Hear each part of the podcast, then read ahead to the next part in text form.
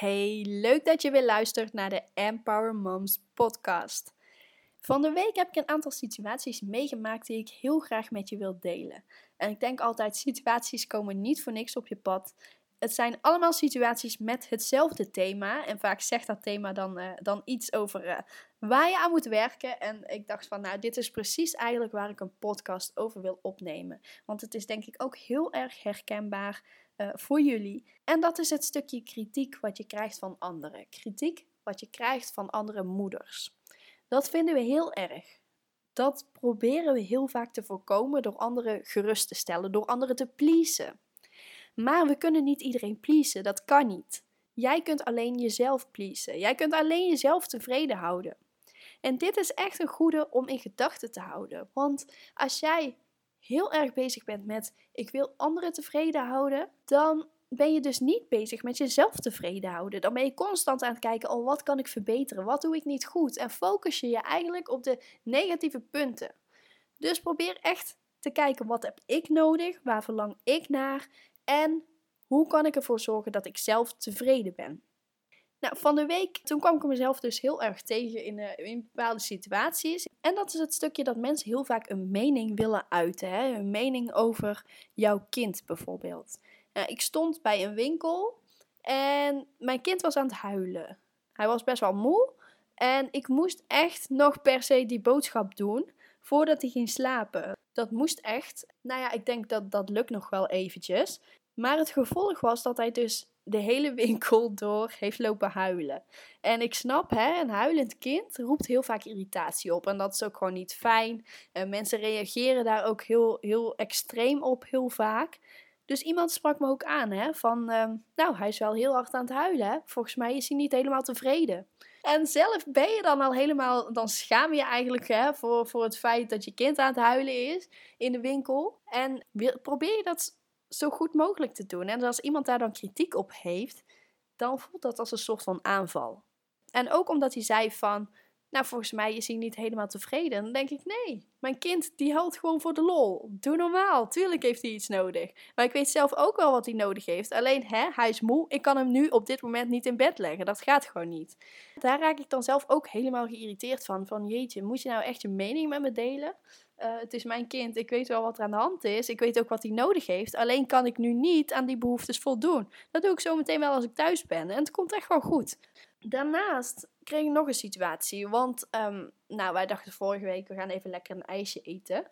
Het was zo mooi weer. En uh, we doen op mama dag doen wij altijd iets leuks samen met elkaar. Ik vind dat heel belangrijk. Want als je, hè, als je niks echt iets leuks samen gaat doen, dan ben je eigenlijk de hele dag door bezig met dingen die moeten gebeuren. Bijvoorbeeld, je bent bezig met de was, of je bent bezig met je huis op orde maken. Uh, je bent wel je kinderen aan het verzorgen. Maar ondertussen doe je dan eigenlijk niet echt iets leuks. Dus één keer per dag maak ik dan bewust tijd om echt iets leuks met de kinderen te doen. Dat het ook echt gezellig is. Hè? Dat we bewust iets gezelligs gaan doen samen. En omdat het zo mooi weer was, gingen wij een ijsje eten.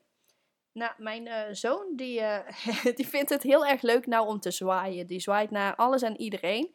Dat kan die sinds kort, sinds een paar weken. Dus hij is heel erg enthousiast als hij van alles ziet. Als hij mensen ziet en dan gaat hij heel hard lopen zwaaien. Op een gegeven moment liepen er een paar mensen voorbij en die pakten ineens zijn hand. Ik kende die mensen totaal niet. Weet je, dan voel ik al meteen zo, wow, je raakt mijn kind aan. Hoezo raak je mijn kind aan? Dan komt er al echt zo'n zo'n zo'n moedergevoel, hè? zo helemaal naar boven drijven van ik ken jou niet. Hoezo raak je mijn kind aan? Doe normaal. ik kan daar helemaal niet tegen. En ik denk dat velen van jullie dit ook herkennen. Dat als vreemden je kind aanraken, want het was niet de eerste keer hè. Het gebeurt wel eens vaker. En vooral oudere mensen, die, eh, die lijken dat heel normaal te vinden. Dat ze je kind aanraken. Of op het gezicht, over het wangetje aaien of een handje aanraken. En ik denk, ik, ik vind dat een beetje viezig.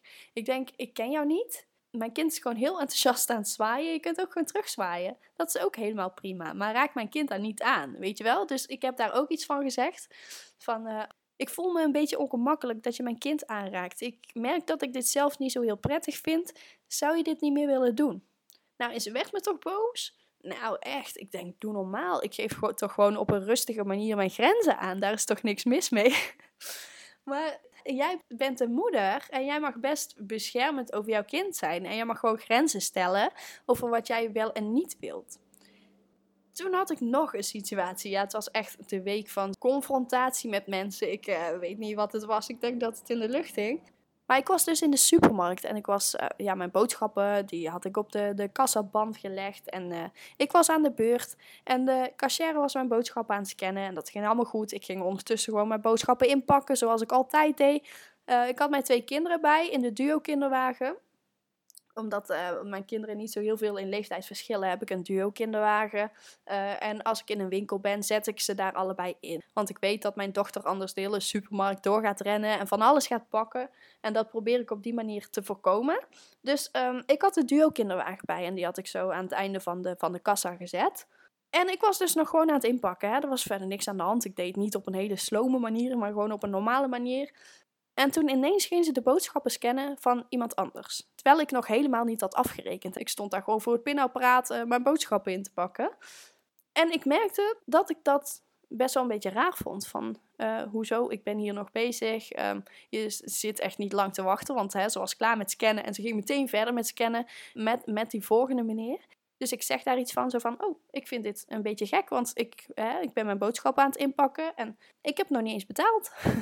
en die meneer die dus aan de beurt was, die zei van, oh, je hebt nog niet eens betaald. Ik zeg, nee, ik sta hier gewoon in te pakken. en hij zegt, oh, dat is wel een beetje raar, ja. En we keken die cashier zo aan, die cashier zo, ja, maar ik moet ook gewoon door hoor, ik kan nou niet allemaal op wachten. En die meneer was ook een beetje, een beetje boos. Ik zei van, oké, maar dit is wel echt een rare gang van zaken. En hoezo krijgt ze niet de kans om te betalen en zo. Die zei daar ook gewoon echt iets van. Van ja, maar ik, uh, en vooral in deze, deze gekke tijd, zeg maar. Ik stond voor het pinapparaat. Die man moest pinnen, maar die kon er eigenlijk gewoon niet eens bij, zeg maar. Die stond gewoon half op mijn tenen om erbij te kunnen. Dus ja, vooral in deze tijd is het natuurlijk ook een beetje raar dat dat zo moet. Dus wij maakten er allebei een opmerking over. En uh, ik zei ook gewoon, ja, maar ik, ik krijg zo niet eens de kans om mijn boodschappen in te pakken of om te betalen. Die cashier zo, nee, je kan ook gewoon aan de inpaktafels inpakken. Je moet het gewoon ook niet hier doen. Ik zeg, ja, maar ik heb twee kinderen bij. Ik zeg, uh, je legt mijn boodschappen hier neer. Ik bedoel, hè, ik, ik sta gewoon hier in te pakken. Er is helemaal niks aan de hand. Ik ben er niet heel lang mee bezig, maar ik krijg die kans gewoon niet. Nou, toen begon ze me toch uit te vallen. En uh, het was één groot drama. En, uh, en ze was echt ruzie aan het zoeken. Ze was totaal niet aardig. Niet voor reden vatbaar. Die meneer en ik waren allebei best wel rustig. Hè. Die gaven gewoon aan van... Hé, we vinden dit heel onprettig. En in het vervolg zouden we het fijn vinden... Als je er rekening mee zou houden... Dat we de tijd krijgen om gewoon onze boodschappen in te pakken en te betalen. Um, kregen we niet. Dus op een gegeven moment dacht ik van... Nou ja, weet je, dit verzandt gewoon in een hele discussie. En het is gewoon niet oké. Dat er voor van alles worden uitgemaakt. Dus ik zeg tegen een andere cashier, want ik was al klaar met die ene cashier. Dus ik zeg, is, is jullie leidinggevende aanwezig toevallig? Dus zij zegt, ja, ik zal hem wel even roepen. Ik zeg, ja, dat is goed. Dus die leidinggevende kwam eraan. Ik zeg, ja, ik vind het een hele onprettige situatie. Ik zeg, ik sta hier met twee kinderen. Uh, ik krijg niet eens een kans om in te pakken. En die meneer, die, die vindt het ook heel vervelend. Alle mensen in de rij waren het ook met ons eens. Dat dit gewoon niet kon. Dus hij zegt, oh, loop maar even mee. En toen zei hij, we weten het, uh, over die cashier. Die heeft al heel veel klachten gehad. En ik merkte het zelf ook, hè, want het was niet de eerste keer dat zij zo vervelend tegen mij deed. Maar ja, op een gegeven moment is het gewoon klaar. Ik denk, ja, dan moet je niet aan de kassa gaan zitten. Hij zei, we hebben al heel veel klachten over haar gehad. En um, ja, ze is al ontslagen en vandaag is haar laatste dag. Ik zeg, oh, ik zeg ja, ik, ik wil hier verder ook niks mee. Maar ik wil het je gewoon aangeven van dat het een hele onprettige situatie is. Ik bedoel, ik, ik, hè, van, mij, van mij hoeft ze niet ontslagen te worden of zo. Maar uh, ik wil het gewoon meegeven. En hij zegt ja, maar ze is al ontslagen. Dus ik denk, nou oké, ook, uh, ook opgelost zeg maar. Dus weet je, dit soort situaties komen heel veel voor. En ik merk dat ik het zelf dan ook lastig vind om rustig te blijven. Maar ik heb mezelf wel getraind. En ik denk dat het voor iedereen herkenbaar is, ook voor jullie. Um, dat als iemand je aanspreekt of je heel erg uh, opjaagt of dat je heel erg gehaast moet doen, dat het gewoon heel onprettig voelt. Eigenlijk denk ik ook hè, van als iemand kritiek op jou heeft, bijvoorbeeld hè, dat, dat van hey, je kind huilt en er is vast iets aan de hand en uh, dat iemand net niet zegt van hey, je bent gewoon een slechte moeder. Tenminste, zo kwam het over op de manier waarop die zei en hoe die, hoe die reageerde. Kritiek op een ander zegt altijd iets over jou. Als jij kritiek hebt op een ander, dan moet je eigenlijk bij jezelf nagaan: wat raakt mij nou zo? Want iets raakt jou. Want anders heb je geen kritiek op die ander. En ik zal even een voorbeeld geven. Hè? Want als een vriendin tegen jou bijvoorbeeld zegt: hè, Ik ga een weekje op vakantie zonder man en kinderen. Misschien denk jij dan van: Oh, maar dit kan je niet maken. Hoezo ga je een weekje op vakantie zonder man en kinderen? Wie doet zijn kinderen dat nou aan? Weet je, die, dat soort reacties eh, bestaan ook, hè? En eigenlijk komt dat voort uit een stukje verlangen. Het verlangen dat je het zelf ook wilt. Daar ben ik heel erg bewust van. Van als iemand kritiek heeft op mij. En natuurlijk voel je die woede dan een beetje opborrelen. Maar dan bedenk ik van, hey, hoe komt het dat die ander kritiek heeft op mij? Wat raakt die ander zo? En vaak is het stukje verlangen over iets wat ze graag willen. Bijvoorbeeld die ene opmerking ehm, die werd gemaakt in, in de winkel van dat mijn kind zo hard aan het huilen was. Misschien was het verlangen wel eventjes rust. Misschien had hij een klein kind die gewoon ook altijd heel erg aan het huilen was of wat dan ook. Hè? Wilde gewoon even rust.